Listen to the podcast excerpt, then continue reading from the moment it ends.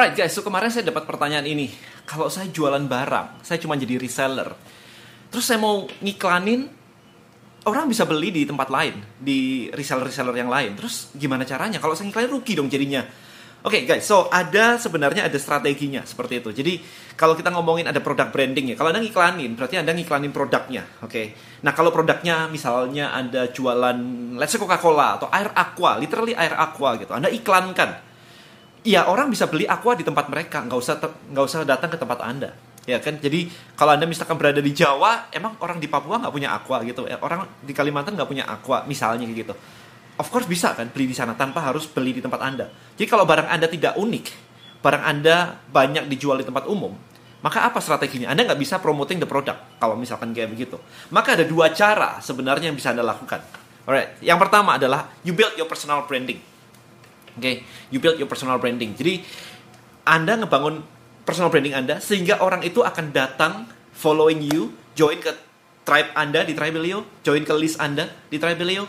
Nah, ketika orang berada di sekitar Anda, maka apa pun yang Anda tawarkan, kebanyakan orang akan beli. Tapi of course nggak nggak barang-barang seperti Aqua ya, karena ribet banget belanja Aqua online daripada ke Indomart di sebelah rumah mereka.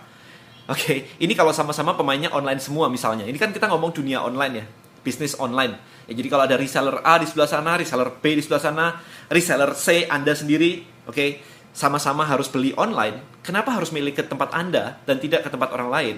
Yaitu karena mereka percaya terhadap Anda. Misalnya Anda jualan kelinci, emang nggak bisa ya beli beli obat kelinci di tempat lain, beli di Tokopedia di mana-mana. Well, yes bisa saja, tapi Anda tahu cara merawat kelinci misalnya. Jadi Anda punya komunitas tribe di Tribelio tentang bagaimana caranya merawat kelinci maka di situ Anda bisa bisa membangun trust bahwa kalau kalau di tempat lain kamu nanya-nanya, orangnya nggak bisa bantu loh. Mati-mati aja, udah suruh beli lagi. Kalau di tempat saya, begitu Anda nanya, well, iya kita bisa bantuin, kita tahu caranya gitu. Bahkan kita tahu obatnya, kita bisa kasih suggestion dan sebagainya. Bahkan kita punya, let's say, dokternya, whatever lah, kayak begitu.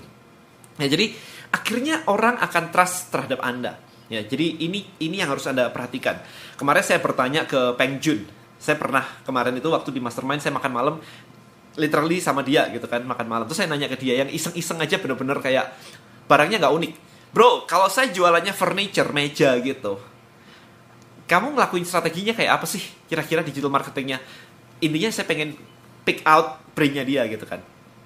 Dia cuma bilang simple sih. Sama always I'll become the authority of furniture saya akan menjadi saya akan nge-build personal branding saya di bidang furniture sehingga ketika saya ngomong apa pun tentang furniture orang udah langsung percaya gitu aja. Karena saya I'm the expert of furniture dibilang gitu. Ya jadi kalau furniture kan bisa beli di mana-mana juga ya apalagi ke IKEA selesai. Ke IKEA udah done gitu kan. Tapi kenapa harus memilih barang yang anda tawarkan gitu? Karena anda punya opini bahwa ini ergonomik lah ini itulah dan sebagainya. Kalau ruangannya kayak beginilah whatever. Kayak ini feng shui-nya kayak begini gitu kan itu idenya adalah how to build the attachment ke orangnya ke anda gitu. Sehingga ketika market trust with you guys dia nggak akan beli tempat lain. Considering tetap bahwa produknya itu tetap sama-sama belanjanya online. Bukan kalau belanja di anda online sementara belanja di Indomart ada di sebelah rumah gitu. Nah, itu susah. Itu literally susah karena anda saingannya urusannya udah beda. Dia urusannya adalah distribusi. Ya distribution channel lebih mudah. Kita ngomong itu di di lain video. Anyway itu cara yang kedua, personal branding. Nah, cara yang satunya lagi, kan saya, saya tadi punya punya dua cara ya. Yang paling nggak enak adalah promoting produk branding kalau anda nggak punya produknya. Berarti anda bisa build your personal branding. Tapi dan saya nggak mau keluar keluar mukanya kayak begini gitu. Nggak apa-apa, it's okay. Ada cara ketiga. Cara ketiga adalah anda promoting store branding. Oke, okay, anda promoting store branding. So, for example, anda lihat kayak misalkan di Ace Hardware, itu promoting store branding. Store saya paling lengkap. Udah, anda mau masuk ke sana, mau nyari merek apa aja itu banyak di sana. Bahkan kalau misalkan yang ada cari mereknya nggak ada, Anda ditawarin merek lain yang fungsinya sama juga Anda udah nggak ada masalah. Anda nggak attach ke produk branding lagi, tapi Anda attach ke store branding. Saya mau belinya di Esatware. Ada kartu membership, discount point, whatever kayak gitu. Jadi itu yang bisa Anda Anda build sekarang. Kalau datang ke toko Anda, toko online Anda, kenapa? Kenapa harus gitu? Ada orang-orang lebih suka belajar di Tokopedia. Ada orang-orang lebih suka belajar di Shopee. Saya lebih suka di Tokopedia, I don't know why, tapi istri saya itu lebih suka di di Shopee. Dia bilang lebih enak aja tampilannya gitu. That's store branding, guys. Jadi to tokonya yang yang dia sudah suka banget dengan caranya, prosesnya, flow-nya. desainnya, UI UX-nya buat dia itu suka banget, cewek sih ya, suka banget gitu. Buat saya kayaknya ini kok rame banget ya Shopee ya. Saya belinya Tokopedia aja deh, gampang gitu.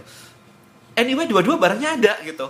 Kalau ditanya saingan, ya di sana ada, di sini ada. Dan saya nggak pernah ngebandingin ini versus Shopee gitu. Nggak segitunya.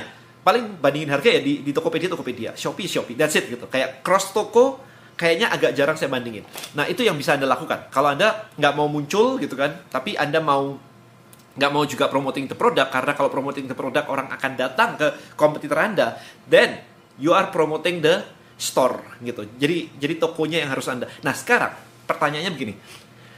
Kenapa orang harus beli di toko Anda? Why?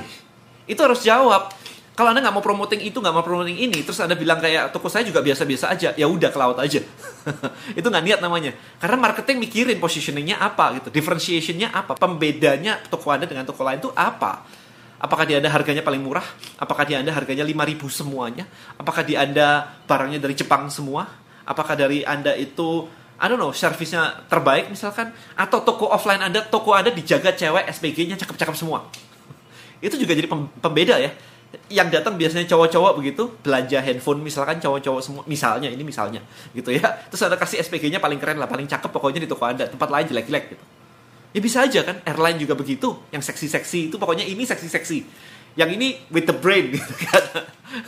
I'm not saying the brand, tapi intinya kayak begitu. So Anda bisa melakukan apa sih yang menjadi pembeda yang disukai oleh audiens Anda? Nah, kuncinya di situ. Audiens Anda sukanya yang mana? Jangan ngasal gitu kan. Kalau yang datang emak-emak Anda kasih SPG cakep-cakep gitu, ya nggak mau lah, nggak nggak efek kali. Atau mungkin yang datang family gitu kan, suami istri suka datang situ dan SPG-nya cakep-cakep yang seksi-seksi begitu. Mungkin istri-istri pada bilang jangan ke sana ya, supaya suaminya nggak lirik sana sini gitu. You know, nggak bisa se, se selangsung kayak oh oke okay, kasih cewek seksi gitu. Nggak bisa kayak begitu.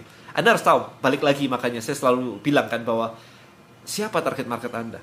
Apa value mereka? Apa mimpi mereka? Apa pain mereka? Apa problem mereka? Nah itu semua itu itu dibahas gitu ya. Jadi kalau misalkan anda sudah apakah anda sudah baca ini di sini? Karena di sini kita ajarin anda untuk melakukan market research dengan lebih lebih lebih dalam lagi gitu. Apalagi kalau anda ikut list building mastery LBM right, di LBM literally di breakdown problem hari ini problem masa depan atau fear.